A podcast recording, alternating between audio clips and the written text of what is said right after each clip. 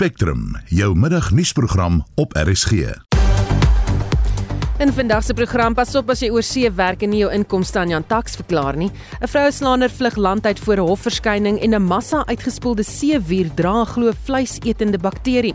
Die span is Justin Kennerly en Johan Pieterse. Ek is Susan Paxton.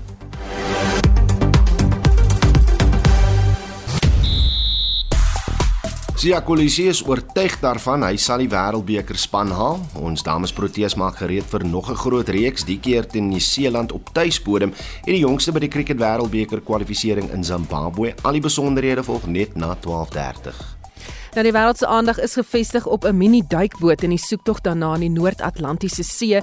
Vyf mense is aan boord die duikboot wat besig was om te duik na die wrak van die Titanic en toe verlore geraak het. Die tyd om die bemanning veilig te vind loop nou vinnig uit sê professor in marine ingenieurswese Alistair Craig.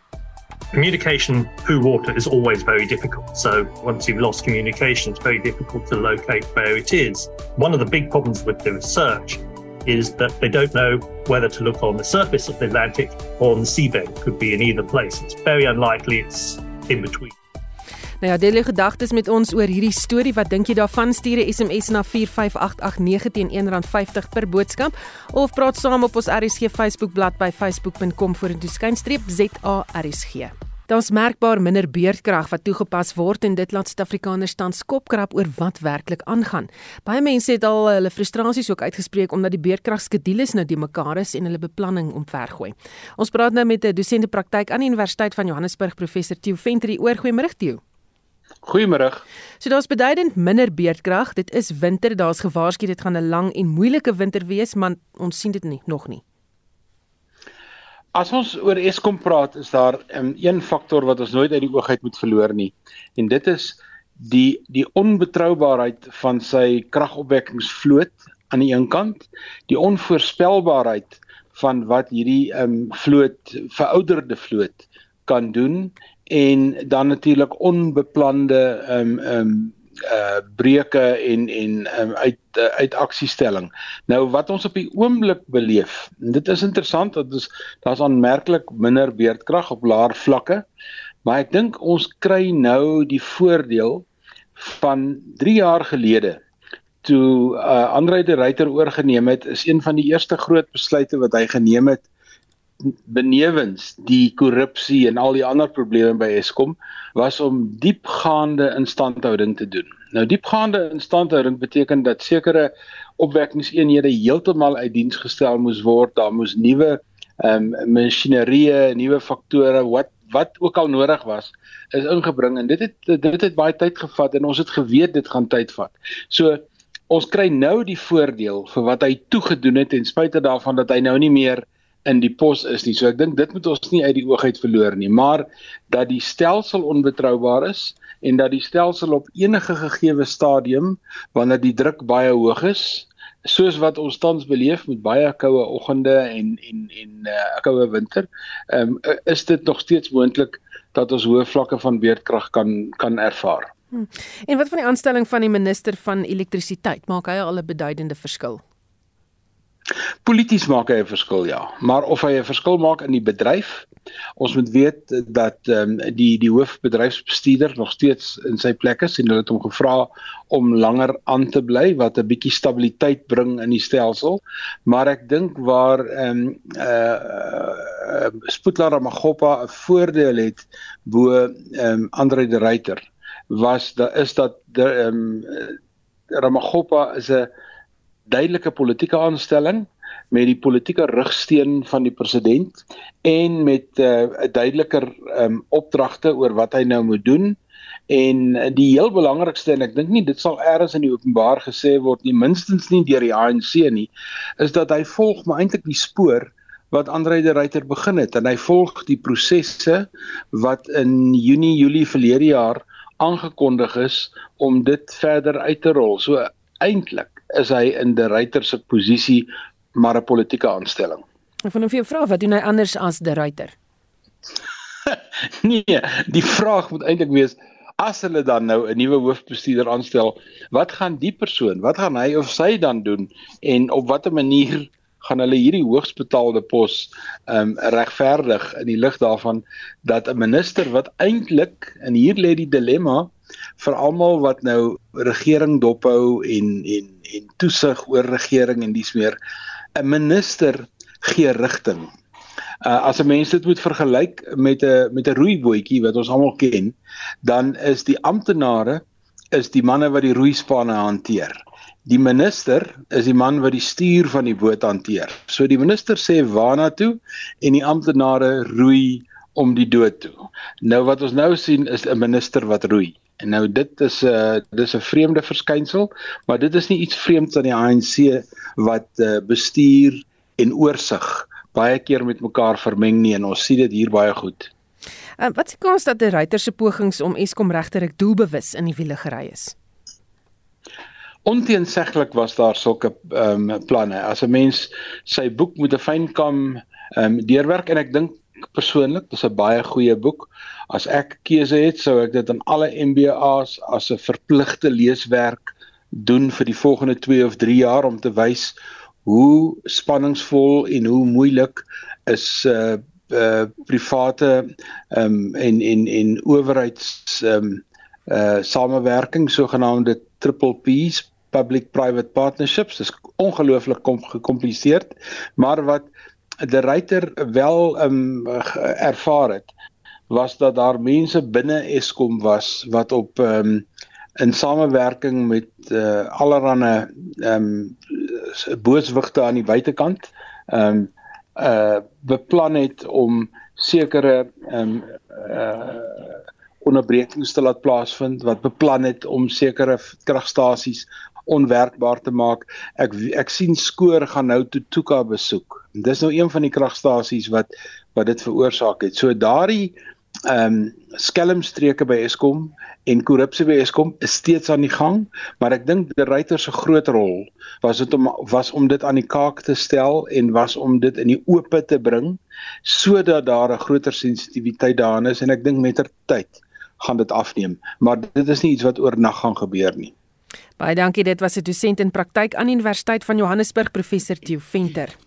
Die kuswag in die FSA het bevestig dat 'n Kanadese P3 vliegtyg onder water geleide opgetel het in die soekgebied in die Noord-Atlantiese Oseaan na die vermiste Ocean Gate Titan duikboot. Die FSA regering het daarna as harde klopgeleide verwys, berig die Amerikaanse media.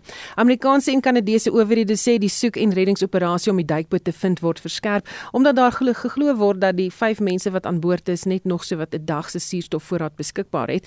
Dit 'n klerk uit die storie vir ons dop en is hy in die ateljee? Christie, neem ons net terug wanneer is kontak met hierdie duikboot verloor? Die duikboot wat toeriste na die skeepswrak van die Titanic wat 3,8 km op die bodem van die see lê neem het Sondagoggend vertrek en dit sou 'n 8 uur lange reis in die duikboot wees omdat dit slegs teen 4 km per uur kan beweeg.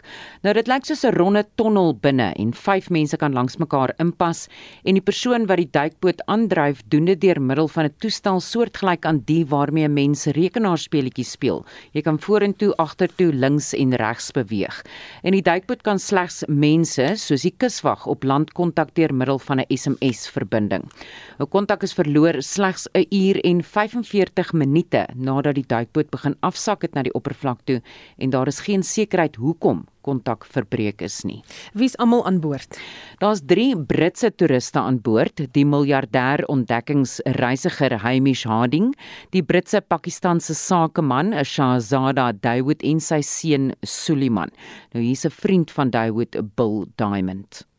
He had the enthusiastic you know outlook of a young child. Really he was so excited about this opportunity and he mentioned it with you know the biggest smile possible on his face in telling me about it. So we were all very excited for him and happy for him that he was able to have this extraordinary opportunity Dit is Bill Diamond, 'n vriend van Shahzada Dawood wat aan boord van die duikboot is. Ook aan boord is 'n Franse vlootduiker, Paul Henri Nagilo en die uitvoerende hoof van Ocean Gate, die maatskappy wat die reise vir toeriste moontlik maak, Stockton Rush. Nou is die derde keer dat toeriste na die Titanic skeepswrak geneem word en dit kos 200 000 pond, sowat 4,6 miljoen rand, om in die provinsie te arriveer en na die skeepswrak van die Titanic te kan gaan kyk. Hm. Hoe vorder die soek en reddingsoperasie?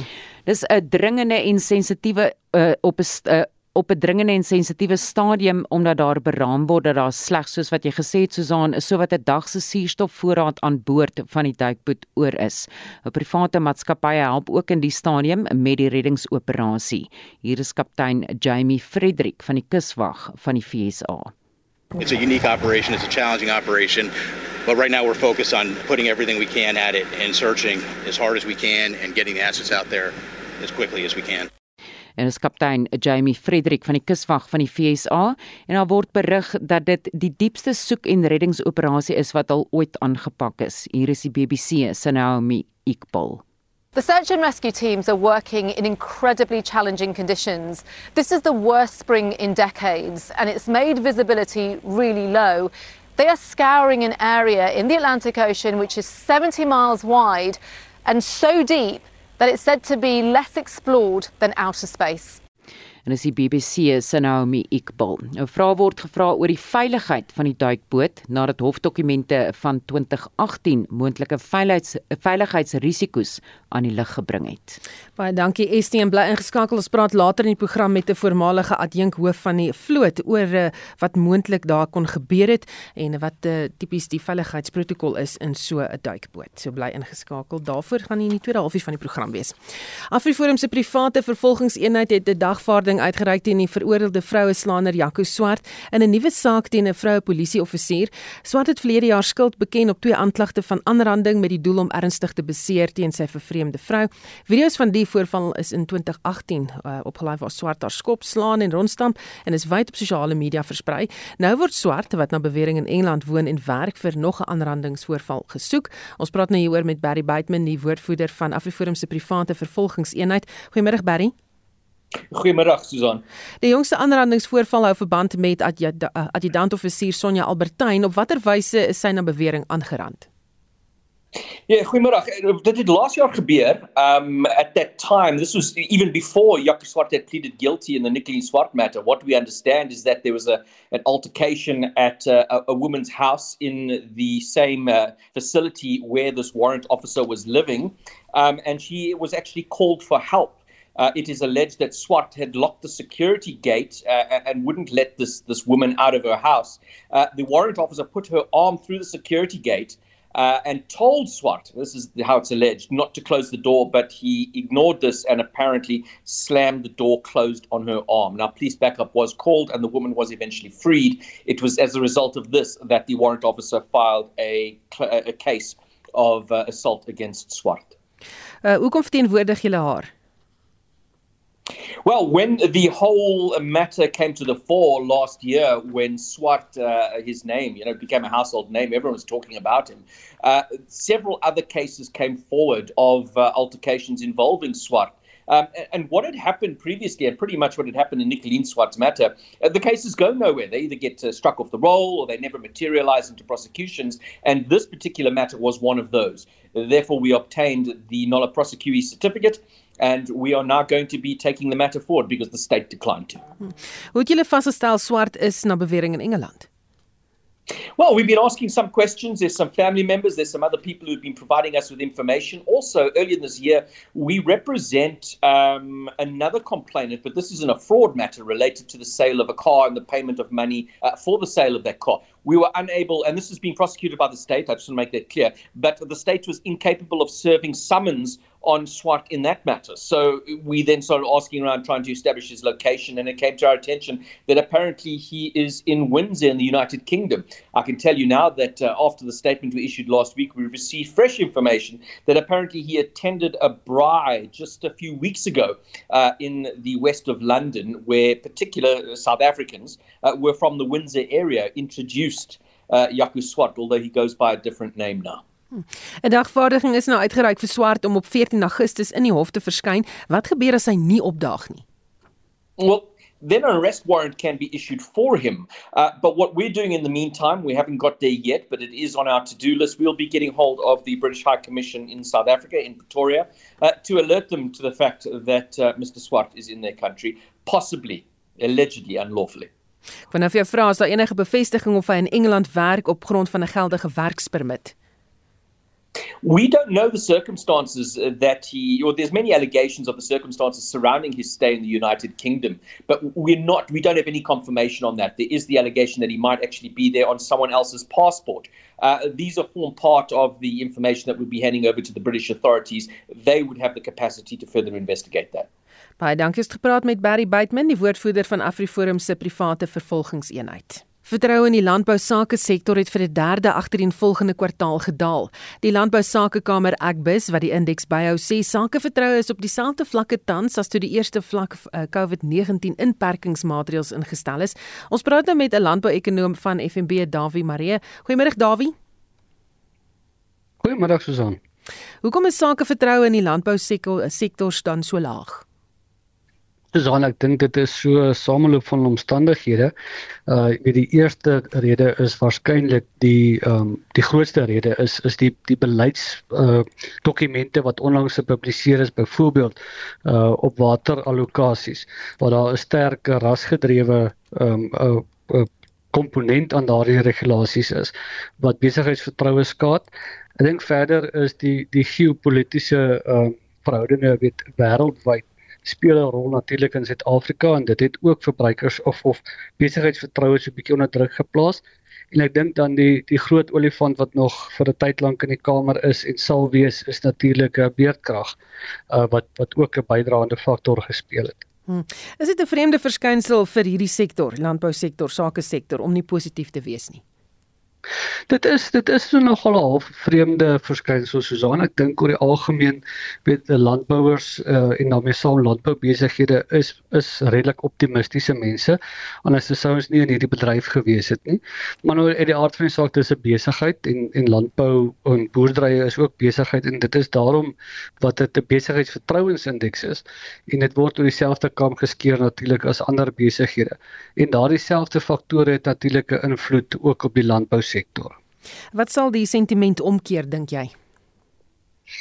Sodan ek dink weet, as ons beerdkrag kan uitsorteer of ten minste daar net 'n 'n goeie aanduiding het van tydlyne. Ehm um, dit die laaste paar weke is daar 'n positief en dit en dit lyk beter as wat ons verwag het. So ek dink dit gaan alreeds baie help. Ehm um, Ek dink 'n stabilisering in rentekoerse gaan ook help. Ehm uh, ons weet nog nie waartoe die Reservebank volgende gaan beweeg nie. As ons kyk na die data wat uitkom, dan lyk dit baie meer positief. Ehm um, ek dink dit gaan help om besigheidsvertroue ook uh met bietjie meer in 'n positiewe neiging te te te druk. Ek dink wat wat nog so 'n bietjie onsekerheid is is die die voorspellings van El Niño wat later in die jaar uh weet uh, natuurlik in Suid-Afrika te wagte kan wees wat nog so 'n bietjie druk gaan plaas. En ek dink dan weet as ons die beleidsomgewing binne in landbou kan uitsorteer. Uh weet as ons 'n stabiele beleid het wat besigheidsvriendelik is, dan gaan dit definitief uh, beleggersvertroue en besigheidsvertroue in die landbou 'n uh, groot opstoot gee. Hm. Baie dankie. Dit was 'n uh, landbou-ekonoom, Dawie Maria. Verskeie Suid-Afrikaners werk vir lang tye oor see, verdien 'n salaris en in dollars of ponde en keer dan terug na Suid-Afrika toe. Ons gaan 'n bietjie later gesels met uh, iemand oor dit om te hoor wat is jou verantwoordelikheid teenoor die inkomste diens, hoeveel geld moet jy betaal en uh, of wat waar moet jy dit aanmeld? So bly ingeskakel daarvoor.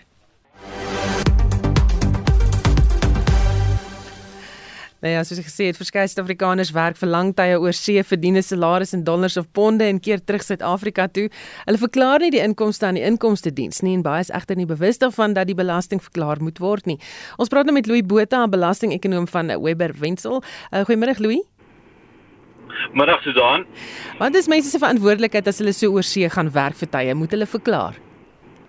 Ja, Susan, so so hulle is nie verplig om om te verklaar dat dat dat wat basies waarop dit neerkom dit mag wees dat indien hulle sekere uh, vereistes nakom dat die inkomste vrygestel sal wees van belasting in Suid-Afrika, maar dit dit dit, dit beteken nie dat die verpligting om te verklaar heeltemal wegval nie. So dit gaan basies daaroor dat eh uh, dat dit verklaar moet word en dat SARS sal dit dan audit of die die moontlikheid hê om dit om dit te kan audit om te kan sien of 'n persoon uh, verantwoordbaar was vir belasting in Suid-Afrika of nie. Nou is daar 'n sekere bedrag wat hulle moet vind weet verklaar. Ja, so so so, so dat basies so wat die wat dit wat die wet tans sê, die Engelse belastingwet tans sê is dat as jy sekere vereistes nakom in kort is dit jy moet basies in 'n 12 maande tydperk moet jy basies ten minste meer as 6 maande moet jy buite die land wees waarvan 60 dae aan jou lopers moet wees en as jy daai vereistes nakom dan kan jy tot 1.25 miljoen rand van jou inkomste uh, en dit is net inkomste wat is vir spesifiek in 'n werknemer werkgewer konteks sal daai inkomste vrygestel wees. Um, maar enige bedrag bo dit sal steeds onderworpe wees aan belasting in Suid-Afrika. En wat van die land waar hulle werk, wat van belasting daar? So die so, so dit hang af van die plaaslike plaaslike bepalings in daardie land, maar kom ons sê maar dit is tipies iets weet wat wat van die werkgewer aan daardie kant um, hulle moet ook, ook meer sou moet help om of werknemersbelasting aan daai kant is. Maar as hulle aan daai kant belasting betaal en hulle het ook 'n belastingverpligting verpligting in Suid-Afrika, dan is dit moontlik dat hulle belastingkrediet kan eis. Met ander woorde, so om basies te voorkom dat hulle dubbel belasting betaal. So so net omdat hulle so as hulle in 'n ander land betaal, beteken dit nie dat hulle wendig nie voordeel vir dit kan kry hier in Suid-Afrika nie. Hmm. Wat gebeur as jy nie verklaar nie en 'n inkomste diens vind uit? Ja, dit is nie 'n situasie waarin jy jouself reg bevind. Nie kyk, as dit 'n klein bedrag is, is dit nou uiteraard minder van 'n probleem, maar dit is nie 'n goeie situasie om te wees nie want die die mense moet erin sien dan audit, ehm um, hulle kan dan jou jou aanslaan vir die belasting wat jy moes verklaar het, maar dan ook redelike hoë boetes en rente ook ook hê. Ehm um, en en as mens nie weet uh, afhangend van hoe hulle jou jou gedrag klassifiseer. Jy weet as jy as hulle as hulle van mening is dat jy um, opsetlik probeer belasting vermy het of ontduik het of so, dan is die moontlike boete wat jy kan wat jy kan wat jy kan uh, teekom 'n bietjie hoër. Ehm um, en dan sien jy ook rente natuurlik betaal. So so dit is nie iets wat jy sal moet bevind nie. Net in 'n praktiese oogpunt, die risiko van dit is is groter nou as wat dit net maar 5 of 10 jaar terug was.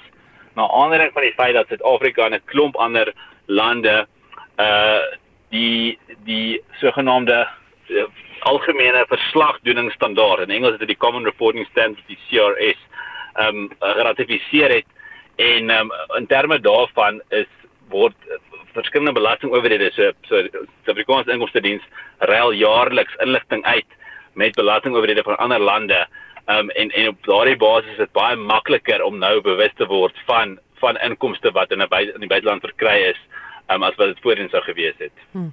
Baie dankie, dit was Louis Botha, belastingekonoom van Webber Wentzel. Jy luister na Spectrum elke weekmiddag tussen 12 en 1.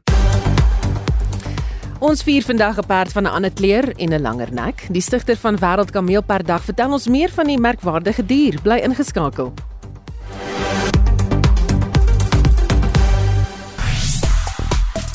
Nou ons gesels oor belastings uh, verantwoordelikheid hier in die land. Wat is jou verantwoordelikheid? Gepraat daar met Louis Botha nog net regstelling maak nie Webber Wensel nie. Hy's van Klif Dekker Hofmeyer. Lyk vir my daar geskuif.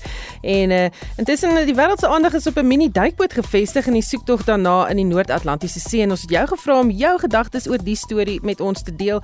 En Hillman sê wat my verstom is dat die Amerikaanse vloot met al hulle fantastiese tegnologie nog nie ingespan is om hierdie tuigie te vind nie.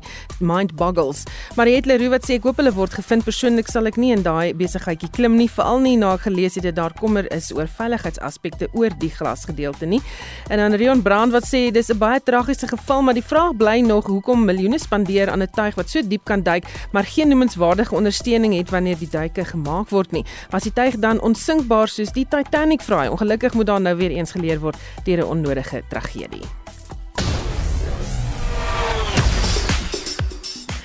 Oudo Karels is sluit by ons aan vir die jongste sportnuus. Goeiemiddag Oudo.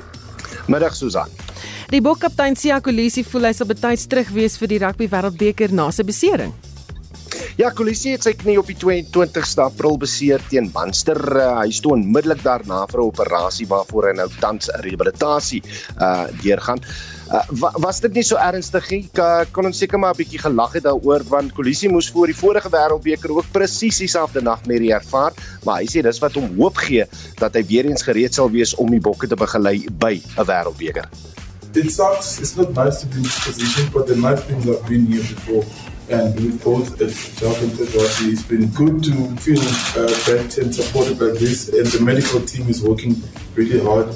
But the nice thing is that I've been through it before. It's not like it's the first time I'm going through this. And there's other guys in the team who's been through the same thing as well, which is helping quite a lot. Vandag het die Cheetahs ook bevestig dat Roan Pinaar nog 'n seisoen sal aanbly wat beteken dat hy sy 40ste verjaarsdag volgende Maart as 'n Cheetah sal vier. En nog 'n bietjie 'n brokkie rugby nuus is die onder 16 Grand Como week nou verskuif na die Hoër Landbou Skool in Parel terwyl die onder 18 Kruiven weke tussen die 3de en 8ste Julie verskuif gaan word na Outaniqua Park in George. Dis nou danksy die giere weer wat tans in die Kaap ervaar word. Ons sal maar 'n oogie hou op reëlings vir die onder 20 wêreldkampioenskap wat Saterdag op Parel Gimnasium afskop. Die organiseerders het nog niks laat weet oor of daar verskywings gaan of moet plaasvind nie. Nou ons dames Protea span sien uit na 'n paar goeie maande van aksie of hoe? Is wonderlik en dis uh die, ons het verlede week verneem dat hulle 'n geskiedkundige toer na Pakistan sal aflê wat 3 T20 en 'n 3 eendag wedstryde behels. Vanoggend het Cricket Suid-Afrika ook bekend gemaak dat ons dames die Nieu-Seeland span, uh, span sal ontvang. Dis nou vir 5 T20 wedstryde en 3 eendag wedstryde tussen die 24ste September en die 15de Oktober hierdie jaar, 'n reeks wat Durban, Pietermaritzburg, Benoni en Potchefstroom sal insluit. In cricket wat tans in die gang is, begin ons met die Suid-Afrika A span waar dit dag 3 van hul 4 dag wedstryd is. Dis nou teen Sri Lanka aan en die jongste telling daar is Sri Lanka 201 vir die verlies van twee paaltjies. Dis nou in die tweede beurt uh, wat hulle 'n voorsprong gee van 198 lopies. Dan is daar ook twee wedstryde aan die gang in die uh, Wêreldbeker kwalifiserende rondes. Dis nou in Bulawayo in Zimbabwe. Ierland, hulle kolf eerste. Hulle is in hulle laaste bulbeurt of kolfbeurt liewer uh, gewikkel. 268 vir die verlies van sewe paaltjies. Dis nou 48 uh, of liewer 49 balbeurte en uh, die Verenigde Arabiese Emirate, hulle kolf eerste teen uh, Oman en hulle jongste telling daar 227 vir die verlies van 8 paaltjies en dis nou na, na die toegelate 50 balbeurte. Baie dankie en dit was Oudo Karels met die jongste sportnuus. Soos jy vroeër in die nuus gehoor het, het verbruikersprysinflasie met my in, in Mei tot sy laagste vlak in 13 maande gedaal. Die VPE het op 6,3% te staan gekom teenoor die vorige maand se 6,8%.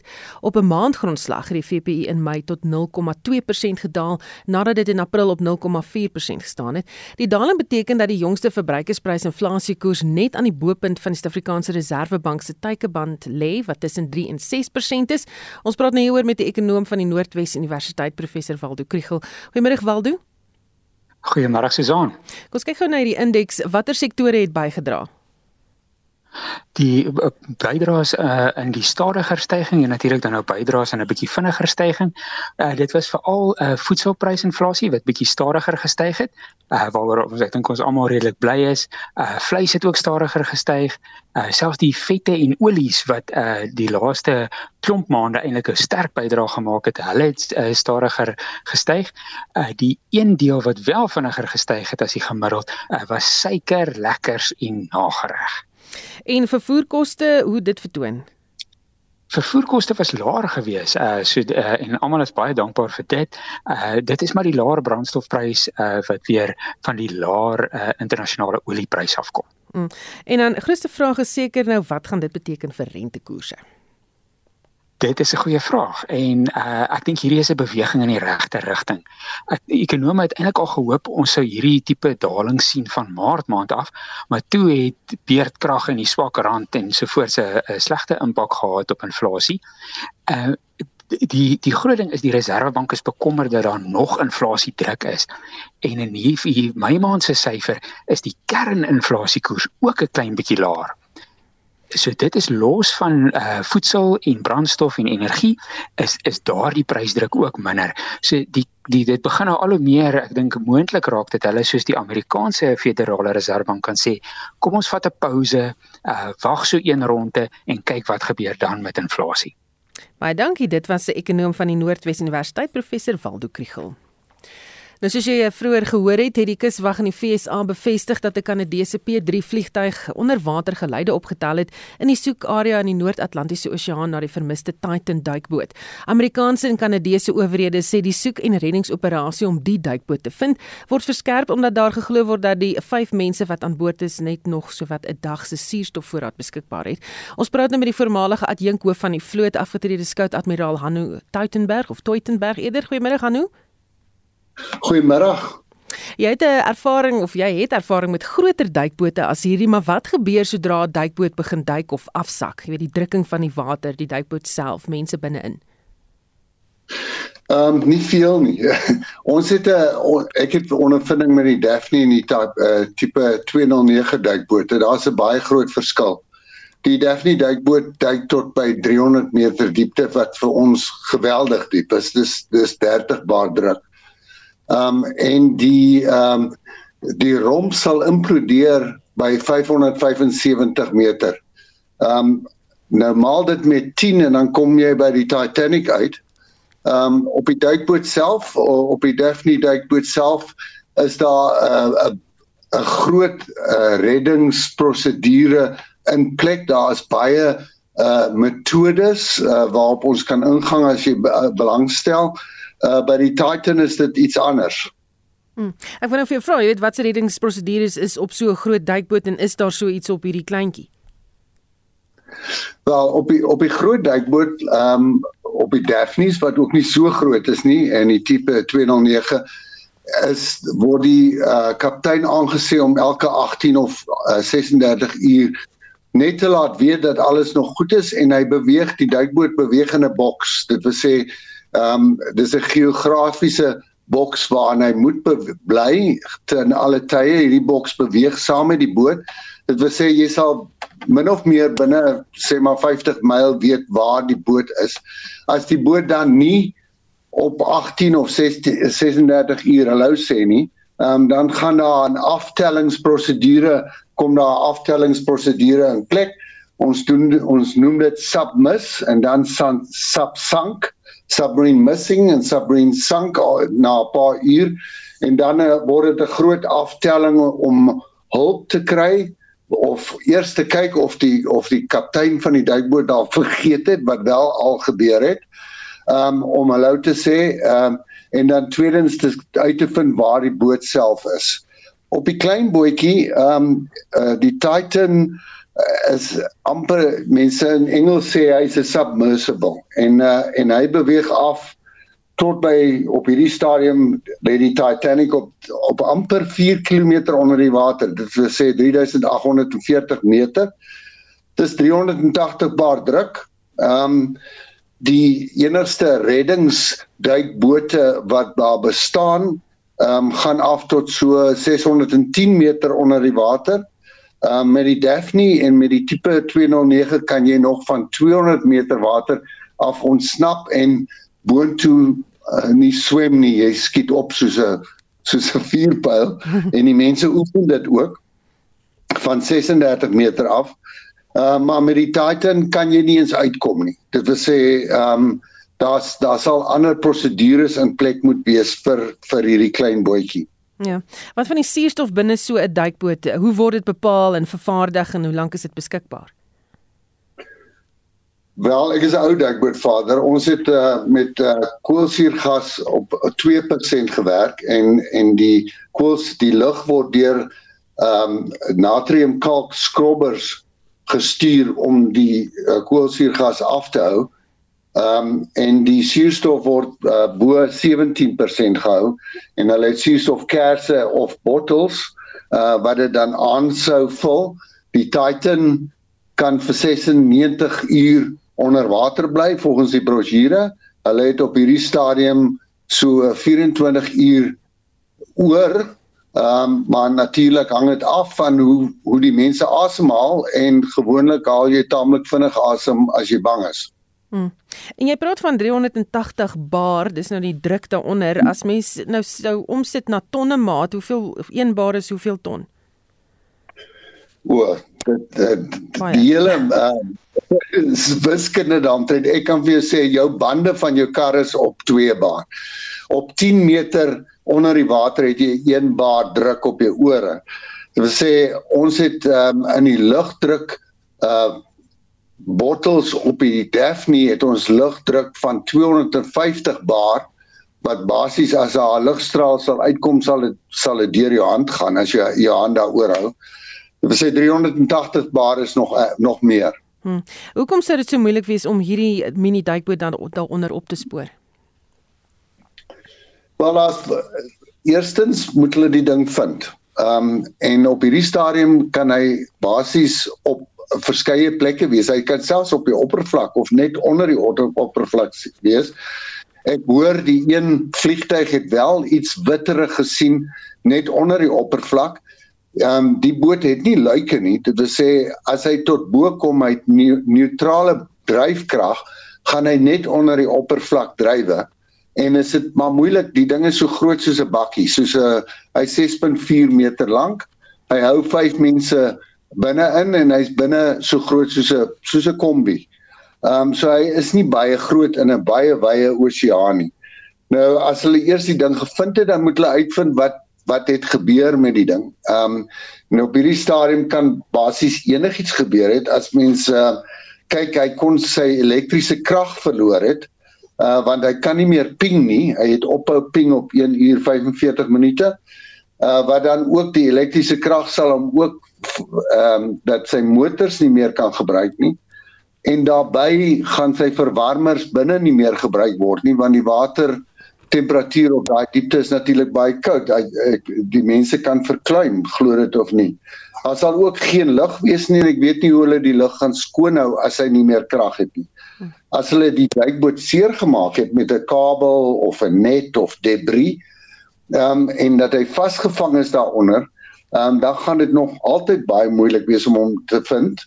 Ehm um, en uh as hulle hom eers gevind het, dan moet hulle 'n manier vind om die ding boontoe te kry en hulle kan dit net met robotte doen want op daai diepte eh, het hulle nie iets anders wat soontoe kan beweeg nie. Baie dankie. Dit was die voormalige adjunkhoof van die vloot, afgetrede skout-admiraal Hanno Toitenberg. Die reuse strook drywende seewier spoel geruime tyd al uit op die Amerikaanse ooskus. Veral Florida se strande word hierdeur geraak. Beide die stinkreuk wat die seewier afgee, skuil 'n ander gevaar vir die mens daar binne. En vir meer hieroor praat ons nou met professor Henk Bouman van die Departement Dierkunde aan die Noordwes Universiteit. Goeiemôre Henk. Goeiemôre Susan en luisteraars. Nou die seewier stink glo verskriklik erg. Nou wat ruik dit? Het hulle gesê? Ja, dit is 'n H2S of waterstofsulfiet wat ruik soos vrot eiers. Nou ons ken almal al reuk, maar as jy nou duisende tonne van hierdie goed het wat nou uitspoel en begin ontbind, dan word dit onmiddellik in baie sterk vrygestel. Ehm um, die gas is nie uh, nie skadelik nie, dit is wel skadelik as jy oormaat daarvan inkry. Dit kan asma vererger, dit kan oogirritasies veroorsaak, duiseligheid, hoofpyn, narigheid en nog 'n klompie ander goed ook. In 2018 was daar 'n geval gewees in Martinique en Guadeloupe van dieselfde alge, uh waar 11 mense geïntoksikeer is as gevolg hiervan en hulle het asemhalingprobleme gehad, duiseligheid uh en selfs hartpalpitasies whatever dit mag uh, beteken en vuilheid, 'n uh, veluitslag. Ehm um, boonop kan dit nie geëet word nie. Dit bevat toksiese metale en arseen.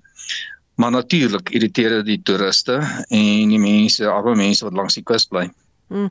Nou, wetenskaplik is waarskynlik ook dat 'n vleisetende bakterie skuil in hierdie seewier. Ja, dit is 'n ou vriend van ons, Vibrio, maar nou nie Vibrio cholera nie. Uh Vibrio fulnificus uh kom daarin voor. Ehm um, en dit kan 'n probleem wees as jy nou infeksie daarvan kry. Dit is nou die vleisetende bakterieë.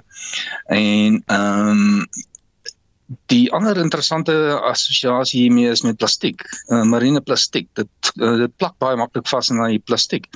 En ons doen tans by die uh, NWU doen ons navorsing, ons doen eintlik baie na, uh, marine navorsing snaaks genoeg. Maar een van die goed wat ons na kyk is uh, bakterieë en giste en so aan wat op hierdie marine plastiek voorkom.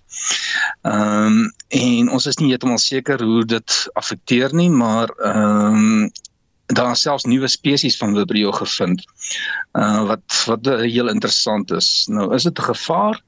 Wel ek het 'n sin gekry hierso op 'n artikel wat pas gepubliseer is en ek gaan dit maar in Engels lees net vir akkuraatheid. Of growing public health concern, non-cholera vibrio species are now recognized as the dominant cause of human mortality from the marine environment. En dit laat mense nou 'n bietjie begin dink oor hoe en wat ons gedoen het om ons tot daar te kry. Hmm. Sê vir my Henk, hoe raak mense ontslae daarvan? Wel op plek plek kan jy natuurlik by mekaar skraap ehm um, en dan net elders damp. Ehm um, maar nog steeds gaan jy nie veel verder daarmee kan doen nie. Ehm um, dit as dit ontbind dan ontbind dit net.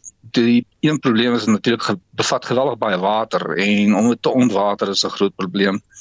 Jy skuif net die probleem van een plek na 'n ander plek toe. Daar is moontlike gebruike het ek gesien hierso vir kompos, maar jy moet eers die sout uithaal en dan die water uithaal en dis 'n redelike omslagtige proses.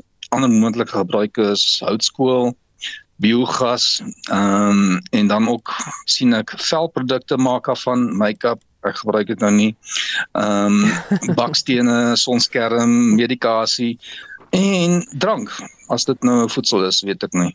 So, ek sien seker hoe ryk dit as jy dit aan jou gesig sit daarna nie mag baie dankie. Dit was professor Henk Bouman van die departement dierkunde aan die Noordwes Universiteit.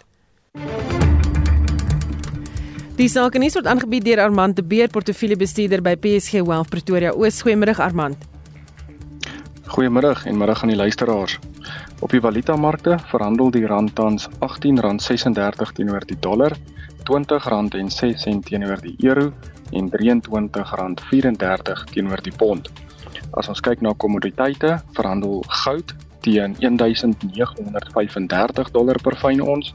Die platinumprys staan op 955 dollar per fyn ons en Brent olie verhandel teen 76 dollar per vat. Aandelemarkte in Asië het laag gesluit vanoggend en markte in Europa wissel tussen winste en verliese nadat die verbruikersprysinflasie in die VK onveranderd gebly het op 8,7% in Mei maand. Die verwagting was vir 'n daling tot 8,4% en dui aan dat die stryd teen inflasie nog nie verby is nie en dat rentekoerse moontlik verder kan styg. Die FTSE 100 verhandel tans 0,1% hoër. Die Franse CAC 40 verhandel 0,1% laer en die Duitse DAX verhandel 0,1% sterker. Op die plaaslike front het Suid-Afrika se bruikersprysinflasie afgeneem na 'n 13 maande laagtepunt tot 6,3% in Mei en vanaf 6,8% in April. Dit was beter as die markverwagtinge nadat pryse vir voedsel en brandstof vinniger daal. Op die beurs daal ons mark vandag en die JSE algehele indeks verhandel 1,1% laer op 75880 punte. Onder die swaargewig maatskappye daal Naspers en Prosus onderskeidelik met 1,5% en 1,2% terwyl Richmond 0,6% laer verhandel. As ons kyk na die indekse, verhandel die Hulbron indeks 1,5% laer met Anglo American plc wat daal met 2,4%. Die nywerheidsindeks daal 1% met Vodacom wat 4,4% laer verhandel en beide Barloworld en Spar daal met 2,5%. Die finansiële indeks verhandel 0,5% laer met die verloorders Investec plc 2,2% laer. 91 en Quilter verhandel beide 2% laer. Onder die wenners vandag styg Afrimat se prys met 5%, Datatech styg met 2,5% en Omnia verhandel 1,7% hoër. Dis al van my kant af, daarmee die einde van die sake nuus. En dit was Armand de Beer, portefeuljebestuurder by PSG Wealth Pretoria Oos met vandag se sake nuus. Dit is vandag wêreld kameelperddag. Die diere is 'n bedreigde spesies weens habitatverlies en onwettige stroping. Ons praat nou hieroor met 'n dosent aan die departement van vee, wild en weidingskunde by die Universiteit van die Vrystaat, professor François Deeken. Goeiemôre François. Middag Susan. Nou ek verstaan wêreld kameelperddag was jou idee. Vertel ons meer. ja, so kom die inligting uit, maar dis baie interessant. Ons het in 2011 het ons 'n paar kundiges van reg oor die wêreld het ons 'n indaba gehad oor kameelperde daar in Tosha. En toe wou ons nou juist bietjie kyk wat kan ons doen om bietjie bewusmaking vir kameelperde uh onder kinders en dan nou oor die algemene publiek reg oor die wêreld te probeer bewerkstellig. En toe onthou ek ons het op 'n flipchart idees neergeskryf en ek het gesê man daar's 'n 'n boomdag en daar's 'n olifantdag en 'n renosterdag, hoekom maak ons nie 'n kameelperddag nie? Ja, en toe vat dit pos van daar af en nou weer die wêreld van 'n uh, wêreld kameelperddag. So mm. ek kan hom claim want ek weet ek het dit daar neergeskryf. Ja, sê Fransjo sê vir my, uh, hoe bedreig is kameelperde? Ja, dis 'n krisis. Ehm um, ons besef nie altyd hoe vinnig dit agteruit gaan nie en soos met ander uh, landdiere, ons renosters en leeu's en alles gaan deur dieselfde uh slegte en negatiewe dinge op die kontinent gaan kameelperde se getalle ook maar dramaties agter. En waarna ek dit maar toeskryf, uh, primêr is ons ons verloor hulle kos, hulle habitat. Elke boom wat jy verloor is 'n hulpbron en jy kan nie daai boom vervang in in jou en my lewenstyd nie. So en dit gebeur vinniger as dit ons kan dink of enigstens kan keer. Goed, watse tipe navorsing is julle mee besig om die voortbestaan van kameelperde te verseker? Yes, ja, ons het klop lekker goedjies. Ek het 'n heelwat buitelanders van Kanada en Oostenryk en selfs van Peru, Australië en Amerika wat bietjie kom werk hier in Suid-Afrika by die universiteit. En uh ook van baie van ons eie studente wat wat werk, MND studente. Verskeie projekte van dierefisiologie, anatomie uh wat op die oomblik aan die gang is. Ons het diere wat met uh met collars loop wat wat ultra en sonar klank, baie lae frekwensies klank uh opneem en dan kan ons op lang afstande sien hoe kameelperde kommunikeer en met mekaar gesels en amper uh ja, seker maar skree as dit nodig is op mekaar. En nou kan ons dit vir die eerste keer opneem. Ja, so daai kollers moet ons nou oor 'n maand afhaal uh by Amanzi uh, Natuurreservaat waar ons hulle gekoller het en dan kry ons nou weer inligting wat nog nooit voorheen gedokumenteer is nie. Maar ons het 'n hengse klomp uh, projekte op kameelperde wat hardloop. Geweldige interessante werk. Uh, ons gebruik uh, die moderne tegnologie eintlik goed wat vir mense ontwikkel is uh, in hospitale en goed uh, pas ons toe op kameelperde. So uh, hoe hulle termoreguleer, hoe hulle kommunikeer, hoe hulle eet, alles, hulle hulle voortbestaan, ja. Fransjo, maar hoe klink dit as 'n kameelperd met mekaar praat, soos jy sê of skree op mekaar? Julle sal moet vasbyt. Ons is besig om baie mooi goedjies op te neem. Dis geweldig interessant. Dit dis amper half 'n diep humming sound as sou dit in Engels so kan noem uh wat wat wat uh, amper 'n tipe bulk diep geluid is en dan natuurlik tussen koeie en kalf en tussen koeie tussen koeie en bulle en dan langer afstande uh, tyd van die dag het ook 'n rol. So daai goedjies uh, gaan ons nou baie mooi vir julle opskryf en dan kan die publiek nou lekker daaroor lees en en 'n uh, bietjie luister. Dalk kan hulle 'n opvolg onderhoud doen om vir hulle van die klanke te speel. Daar sê jy het nou beloof so ons kry eers te daardie kameelperde gesingery, ek noem dit 'n gesingery of geneeriery, daar sê. Uh, wat anders maak jy opgewonde, jy weet, of hoekom is jy so opgewonde om met kameelperde te werk? Dis so onontdekte wêreld. Uh, as jy net na die individu kyk en ook waar hulle beweeg en en hoe grasieus en mense, dis van hulle gunsteling diere op die kontinent, selfs vir besoekers en toerisme. Uh bly dit 'n ikoniese dier, maar as ek uit 'n navorsing oogpunt uit na dit kyk, jy weet dit is so half 'n onuitputbare bron van van belangstelling wat jy het, daai daai endless curiosity wat jy heeltyd nastreef. Daar's heeltyd iets wat jou verder interesseer en jy kry weer nagraadse studente of 'n buitelandse student wat 'n projek wil doen en so ontdek ons maar net elke keer nuwe goetertjies oor kameelperde wat eintlik ver onder onder uh, bestudeer is teenoor ander van die groter herbivore spesies. Baie dankie het gepraat met die dosent aan die departement van vee, wild en weidingskunde by die Universiteit van die Vrystaat, professor François Deeken. Is dit vir ons die nuus en ontwikkelende stories dopgehou. Ons begin met nuus oor HIV vigs en dit is dat Suid-Afrika steeds die episentrum van die wêreld se vigspandemie is. Volgens die VN se wêreldwye vigsverslag vir 2022 leef sowat 8 miljoen van die 38 miljoen mense wat met HIV vigs leef in Suid-Afrika. Suid-Afrika is deel van die VN se wêreldwye doelwitte om kinderverwante sterftes weens HIV vigs teen 2030 te beëindig. Die direkteur van die Sentrum vir die Vigsprogram vir Navorsing in Suid-Afrika, professor Salim Abdul Karim, sê die land moet dringend die behandeling van mense wat met die virus leef bespoedig. The problem we have is that we're trying to reach quite stringent targets. Overall, at a global level, there is a downward trend in the number of new cases, and that trend is also present. The problem is that trend is too slow to achieve the United Nations targets of ending AIDS by 2030. We need some new commitments to try and put us back on track that we can achieve that 2030 goal.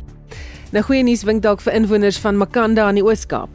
Inwoners van die dorp het reeds vir langer as 'n dekade aanhoudende watervoorsieningsprobleme. Die watersuiweringstelsel in die dorp kan slegs die helfte van die water wat benodig word produseer en inwoners word daagliks aan beurtwater onderwerp.